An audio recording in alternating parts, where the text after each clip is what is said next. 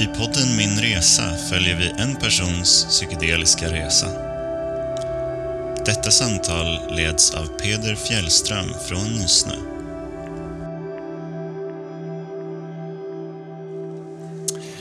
Sådär, hej Filippa och välkommen till podden Min Resa. Hej, tack så jättemycket. Väldigt, väldigt trevligt att ha dig här. Det känns jättekul att få vara med. Du vet ju vad podden handlar om i stort antar jag och vad, vad, vad är det du tänker att vi ska prata om idag? Jag känner att jag vill, alltså varför jag kände att jag ville vara med var också för att dela med mig av det som psykedelika har betytt för mig. Vad, vad är det för relation till psykedelika du har? Kan du beskriva den? Ja, relationen jag har var ju så när psykedelika kom in i mitt liv. Sen dess har ju det varit, det var en livsomvälvande relation som följer med mig än idag och skulle verkligen vilja säga att det är ett före och efter. Och det är väldigt så starkt. Var det, var det länge sedan? Nej, det var inte jättelänge sedan. Ganska så ny relation. Vad, ehm, vad var jag, 26, 27 ungefär, där någonstans. Ehm, så två och ett halvt år sedan. Vad var det som, som ledde dig in på den här banan? Vad, eh, var det någon speciell sak som öppnade det här fönstret för dig? Det var väl min nyfikenhet. Men i det här fallet så var det, var det ingenting som jag hade tänkt på så mycket. Utan det var en, en händelse med en vän och i, i det fallet så öppnades det upp en möjlighet att kunna att få testa psykedelika. Och då sa jag ja till det. Ehm, Jag tänker vi ska prata lite mer om den, men jag är lite nyfiken på om du tänker tillbaks på den Filippa som på hans före det här. Vem, eh, hur, hur skulle du beskriva henne? Mm. Gud, jag blir helt stressad när jag tänker på henne. Eh, den Filippa var en person som var, var på flykt, skulle jag vilja säga, men kanske inte så medveten om just den flykten som var. Utan jag var på, på väg någonstans hela tiden. Jag var, hade en självkänsla som var byggd 100% på prestation.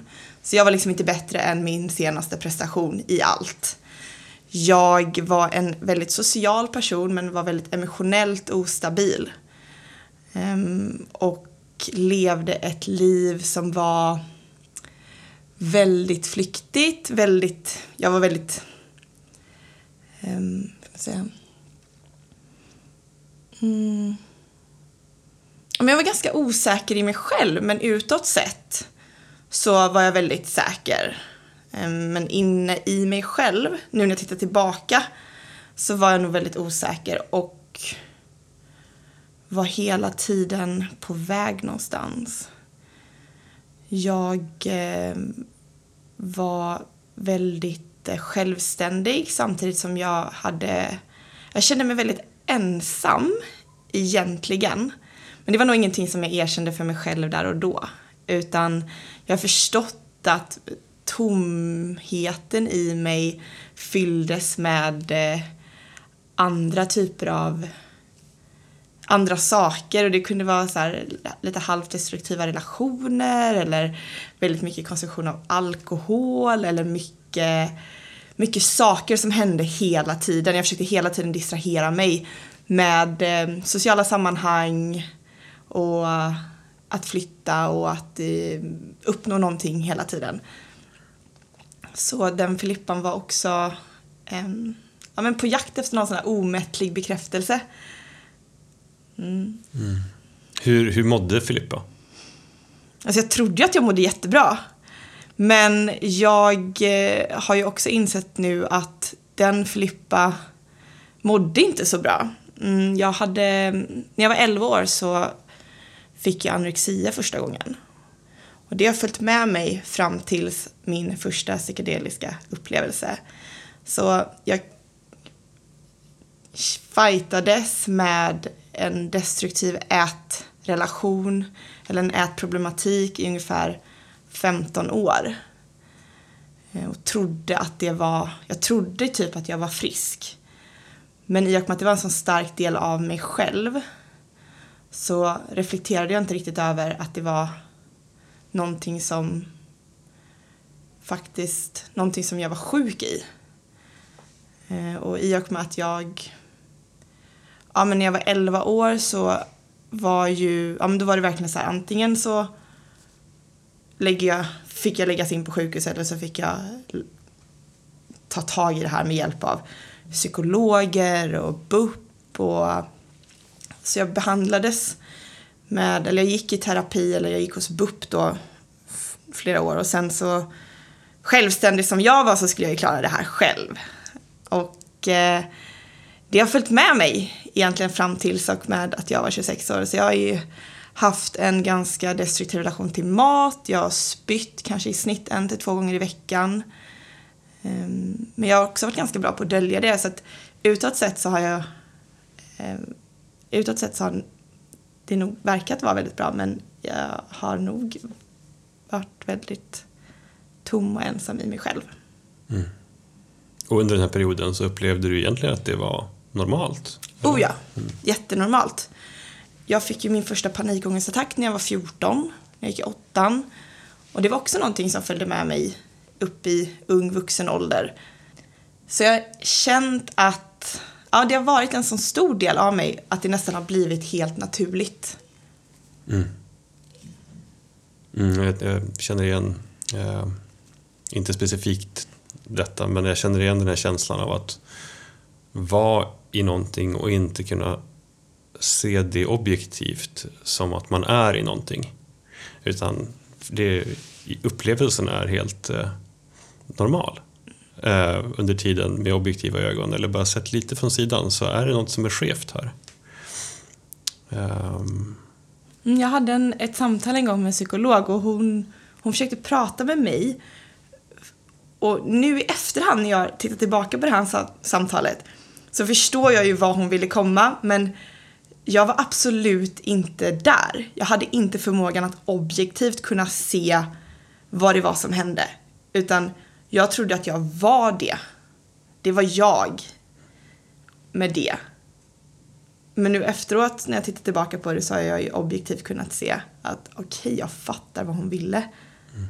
få mig att känna eller få mig att tänka på. Men för mig var det helt omöjligt att kunna koppla det där och då. Mm. Ja, men det är ju en, det är lustigt hur, hur det man är i är allt man vet.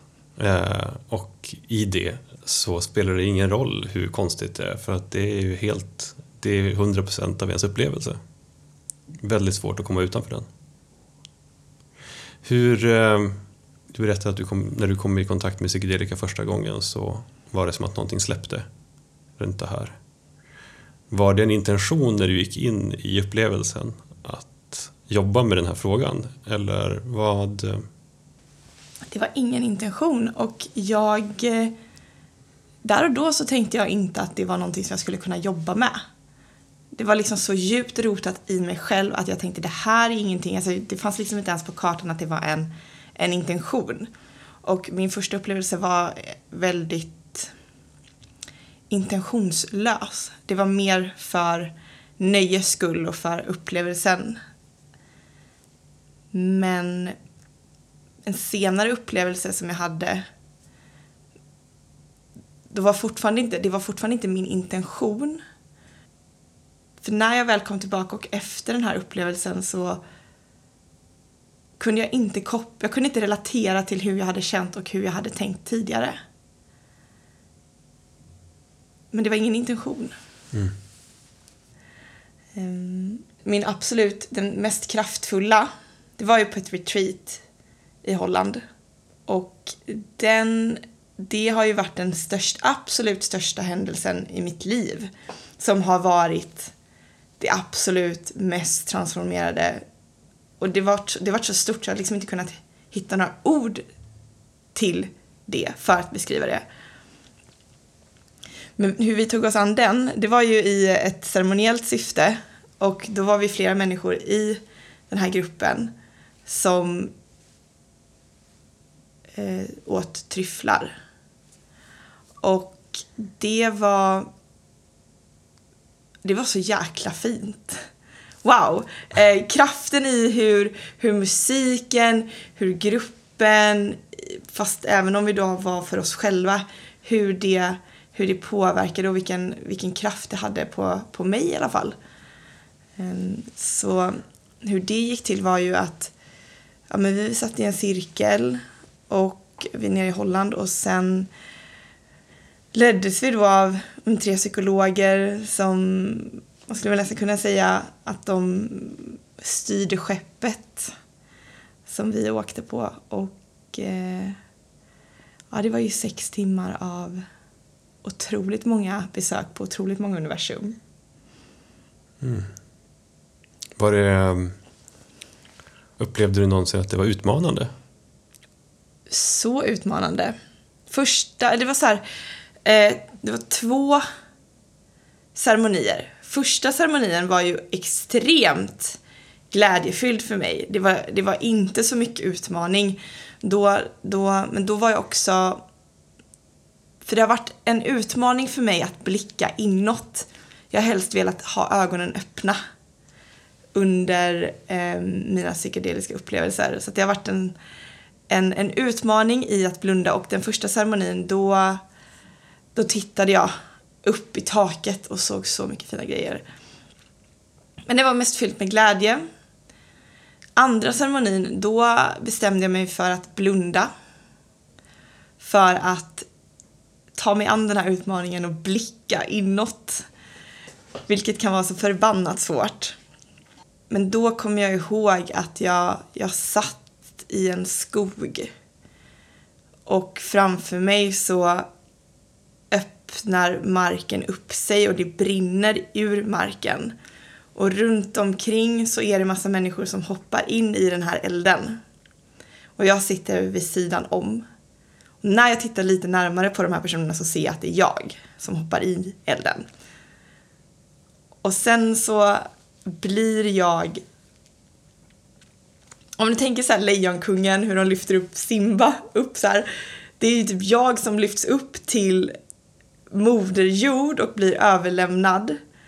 Och det var första gången som jag kände att den här tryggheten som jag hela tiden har varit på jakt efter, som jag har saknat, fanns hos mig själv och runt omkring mig. Att det var jag som... Det är jag som väljer vart jag vill ha min trygghet. Och den finns precis här i mig. Och det har jag aldrig känt tidigare. Men det kände jag då. Oh, wow. När jag funderar lite på det så har jag...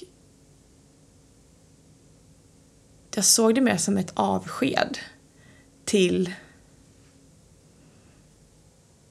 flera olika versioner av mig själv. Att så här, men den här Filippa vill jag inte vara, eller den här känner jag mig inte bekväm med. Vem är det här? Hej då. Det här, hej då. Att, att, eh, att det blev som ett lugn efteråt. Mm. Mm. Hur kändes det när du kom ur upplevelsen? Eh, just precis efteråt? Eh, ja, just precis efteråt så var jag jätteglad. Och sen bröt jag ihop. Sen la jag mig i fosterställning och grät så mycket. Och då vet jag att jag fick en hand på mitt huvud.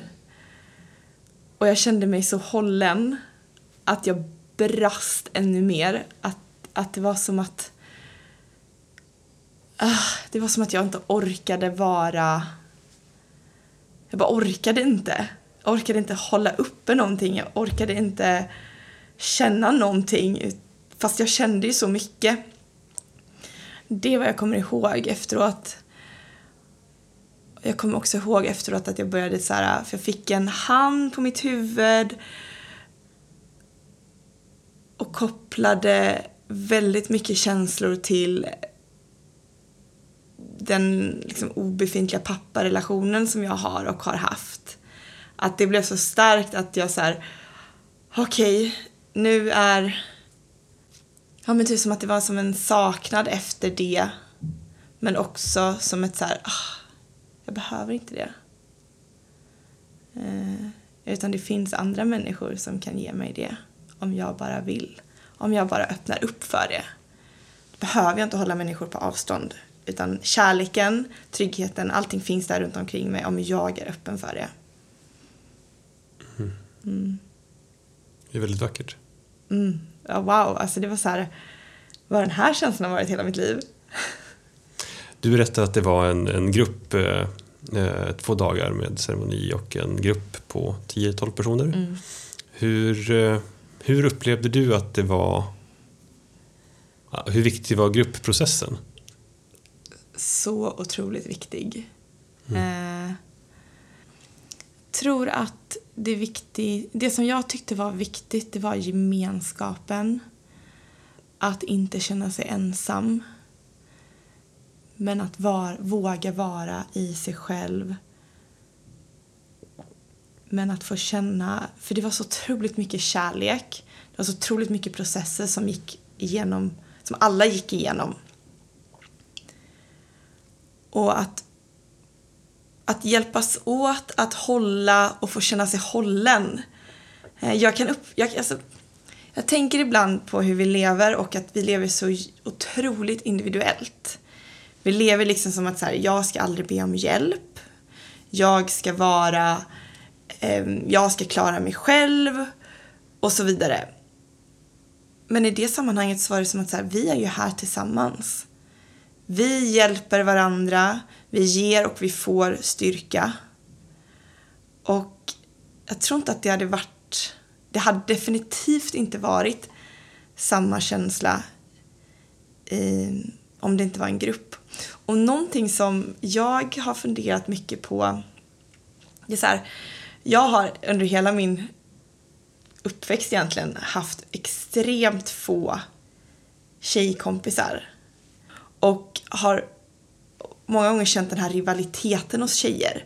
Så jag har haft väldigt få tjejgäng men umgåtts kanske med en eller två tjejer och sen haft mycket killkompisar.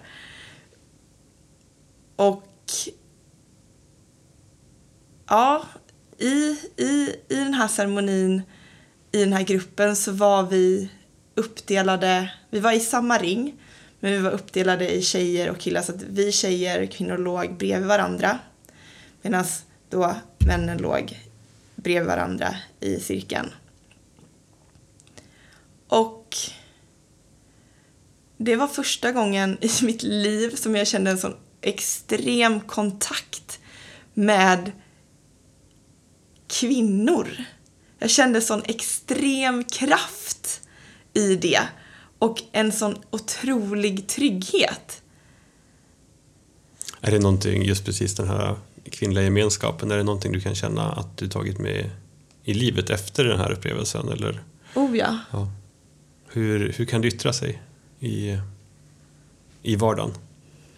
Jag känner en helt annan öppenhet och en helt annan förståelse. Plus att jag också har fått en helt annan förståelse för mig själv som kvinna.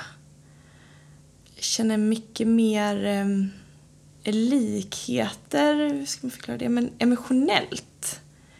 Um, känner att min alltså, feminina sida har fått ta mycket mer plats och att jag är öppen för andra feminina sidor. Eller andra feminina känslor utifrån. Att samhörigheten har blivit mycket starkare. Också tyckt så här, jag har också blivit mycket mer så här, jag tycker att kvinnor är så jävla vackra.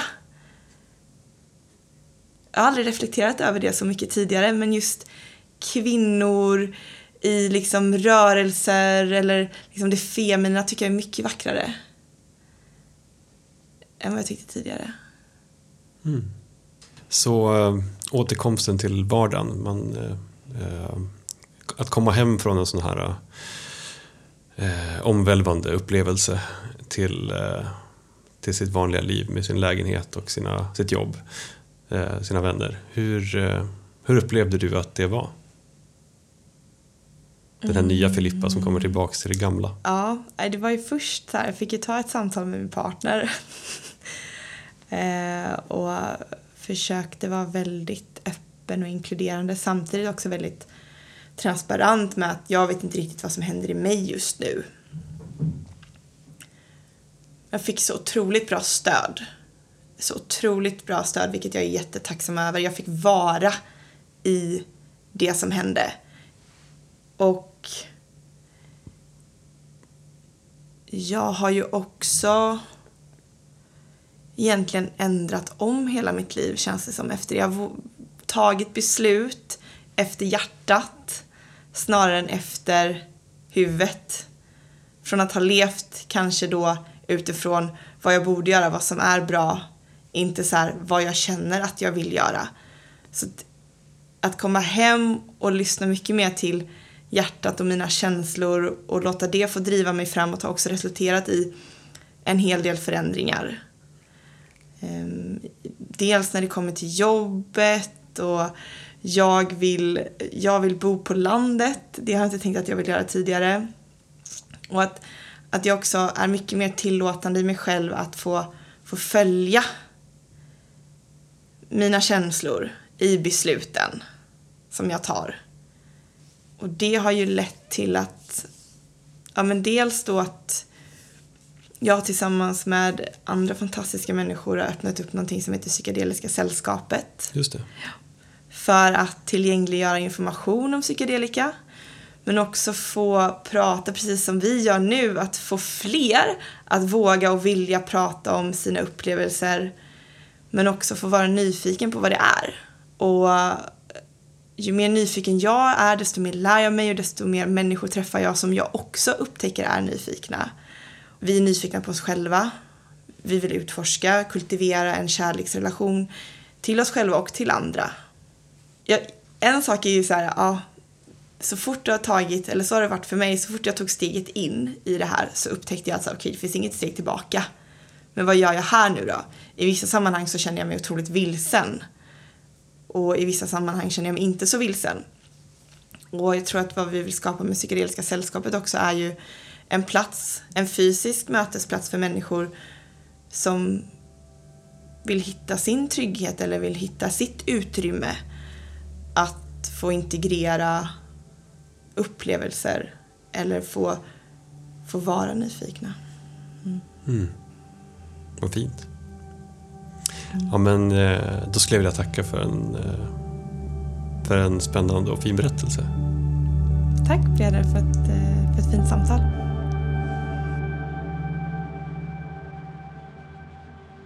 Podden produceras av företaget Nysnö. Läs mer om oss och vår verksamhet på www.nysnö.se